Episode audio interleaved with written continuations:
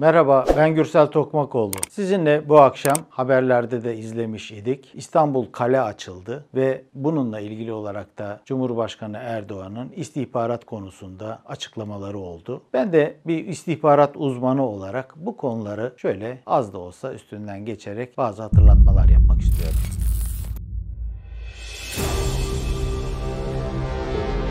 Hep tekrar ettiğimiz bir konu var. Aslına bakarsanız hani uluslararası ilişkilerin kitabi formatla anlatımını, uluslararası hukukun cereyan etme biçimini, her türlü konuyu konuşurken dünyada esas olan bir güç mücadelesi, güç mücadelesine dayalı olarak büyük bir rekabetin sürdüğünü açıklıyoruz.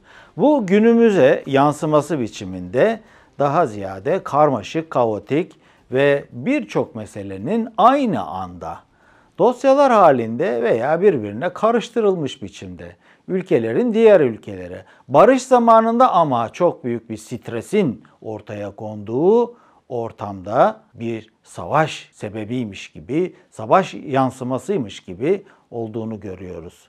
Buna biz daha önceki videolarımızda gri bölge savaşı diye açıklık getirmiş idik. Ama Amerika Birleşik Devletleri'nin özellikle Rusya'nın ve Çin'in bu üç ülkenin ben bunlara başat ülkeler diyeceğim konuşmamda. Bu başat ülkelerin aynı zamanda sahaya, saha dinamiklerine çok yönlü etkilerini görüyoruz ki bunlar hukuki olabilir, ekonomik olabilir, ticari olabilir, siber alanda, kitle imha silahlarıyla, konvansiyonel e, silahlarla, konvansiyonel silahları sahaya götürüp orada intikaller yaparak, belirli bölgelerde tatbikatlar yaparak, diplomasi alanında birçok uluslararası toplantılarda yani bu işler artık aynı anda birçok meselenin açılması, birçok meselenin değişik yerlerdeki özel konuları üzerine inşa edilmesiyle söz konusu oluyor. Dolayısıyla Dolayısıyla örneğin siz Çin'le Amerika'nın rekabetini düşünüyorsanız Çin'le Amerika'nın rekabetinde işte ta Pasifik Okyanusu'nun oradan tutunuz da Atlantik'e kadar arada geçen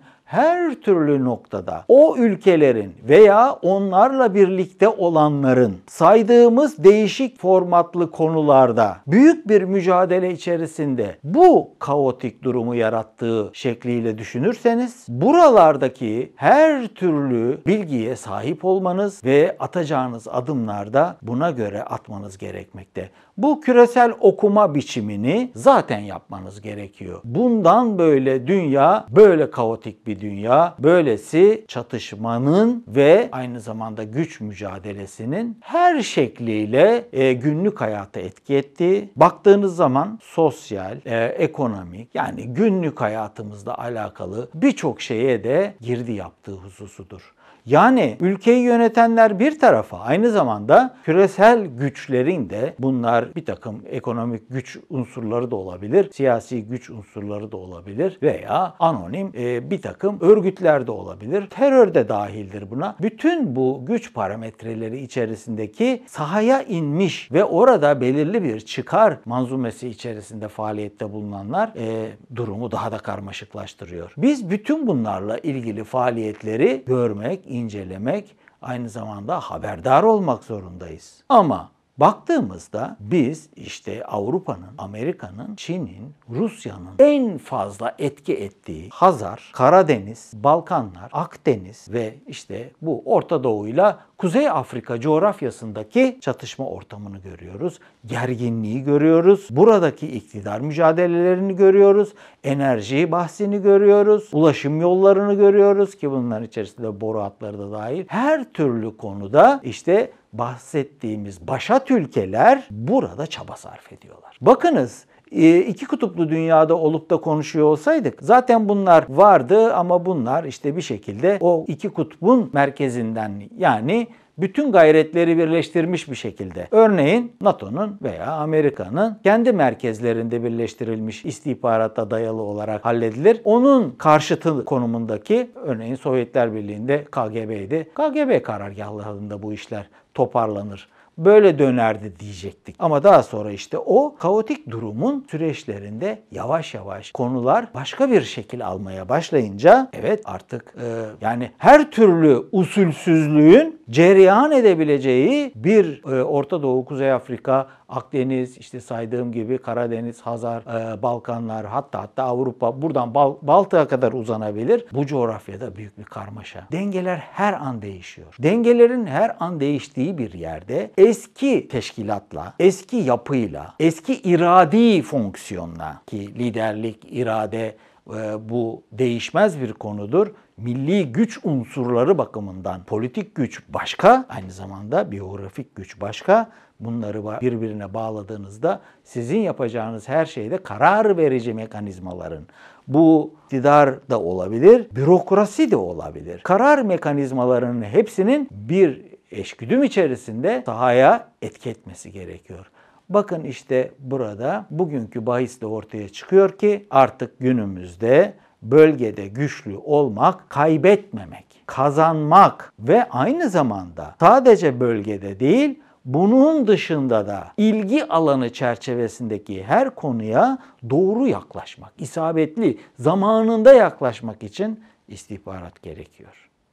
Tabi bunu daha önce de söyledim. İstihbarat terim olarak bizde biraz daha hani haber alma gibi algılanıyorsa da bu artık çoktan değişti. Gerçekten o yine soğuk savaşta biz hallederizcilerin söylediği gibi siz operasyonel istihbarat yapmayın denilen konu Milli İstihbarat Teşkilatı'nda kanuni düzelmeyle işte operasyonel istihbarat yapma. Yani egemen bir ülkenin barış ve savaş veya gerginlik ve hatta şimdi söylediğim gibi gri dönemlerde elindeki en büyük silah istihbarattır. Bakın bir yerden bir yere çok büyük paralar harcayarak iş yapmak burada işte ne bileyim askeri faaliyetler yürütmek bunlar ucuz şeyler değil. Ama çok iyi bir istihbarat ağıyla belki orada kazanacağınız işleri e, daha çabuk, daha etkili kazanma şekliniz olur. Bunlar bize baskın, dominant istihbarat örgütü gerekliliğini ortaya çıkar. İşte Milli İstihbarat Teşkilatı'nın son dönemdeki yapılanmalarıyla, kanuni düzenlemeleriyle, bir takım teknik cihazları, yazılımları, personeli özbeöz kendinden yaparak millileştirmesiyle iş bir an değişti. Hani siz pratikte görüyorsunuz Kuzey Irak'ta işte e, Milli İstihbarat Başkanlığı'nın e, unsurlarıyla örneğin hava kuvvetlerinin veya İHA SİHA kullanılarak PKK terör örgütüne karşı isabetli olarak şu operasyon Bunlar öyle kolay olmuyor. Bunlar daha önce yapılamayan şeylerdi. Ya bu çapta, bu etkinlikle. Yani siz artık bölgede birçok şeyi vasıta kullanarak vasıtasız da ama işte barış şartlarındasınız. Bu oyun artık barış zamanında ve gri zamanda, gri bölgelerde oynanıyor. İstihbaratsız zaten olmaz. Evet, Milli İstihbarat Teşkilatımız, başkanlığımız bütün bu donanımlarıyla bugün örneğin Libya'da işte eh, Doğu Akdeniz diyoruz. Ben ona Akdeniz diyeceğim yine. Kıbrıs, ne bileyim yine gelin Suriye'ye, Irak'a, nereye giderseniz gidin. Hatta hatta imkanı varsa bütününe bakarsanız bölgemizde tamamen sorumluluğu çerçevesinde bu güvenlik tabirlerinde sorumluluk ve ilgi alanı vardır. Onu o zaman öyle bir daha işaret edeyim. Sorumluluk alanında yani vazife gördüğü, vazifemi yapacağım dediği, bir hakkın orada görevimi yapacağım dediği işler vardır. Bunlar zaten yapılır ama ilgi alanı vardır. Bunun dışındaki alandır ve dolayısıyla orada da görevini yapar. Şimdi bizim Milli İstihbarat Teşkilatımız nasıl hani o filmlerde izliyorsunuz ya CIA'dir işte eskiden KGB şimdi FSB neyse Mossad,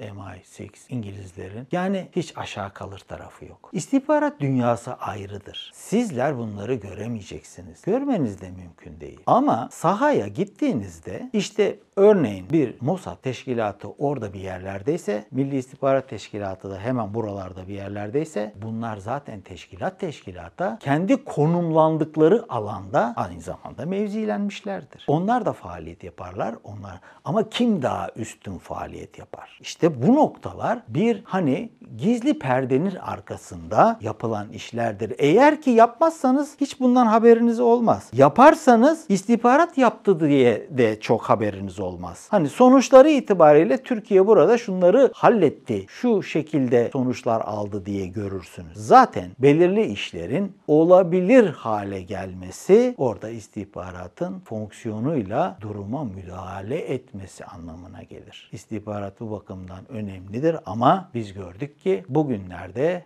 artık başka ülkelerde diyor ki Türkiye'nin istihbarat teşkilatı var. Evet o zaman demek ki irtibat kurulmalı. Yani onlara danışmadan bir şey yapılmamalı. Yani onlara bilgi vermeden biz konuya dahil olmayalım diye düşünceler çıkıyor. Görüyor musunuz? Diplomaside, askeri alanda vesaire konularda zaten varsınız ama o perdenin arkasında da biz Türkiye'nin istihbarat teşkilatına bunu haber vermezsek yarın öbür gün kendimiz kaybederiz diye düşüneceklerini de bir konu olarak aklınızda tutarsanız işte Türkiye bunu yaratmıştır ve böyle bir alanda da güç mücadelesinde baskın bir hale gelmiştir. Kendini kabul ettirmiştir. Biz tabii ki bundan övünçle, kıvançla bahsediyoruz. Teşekkür ederim.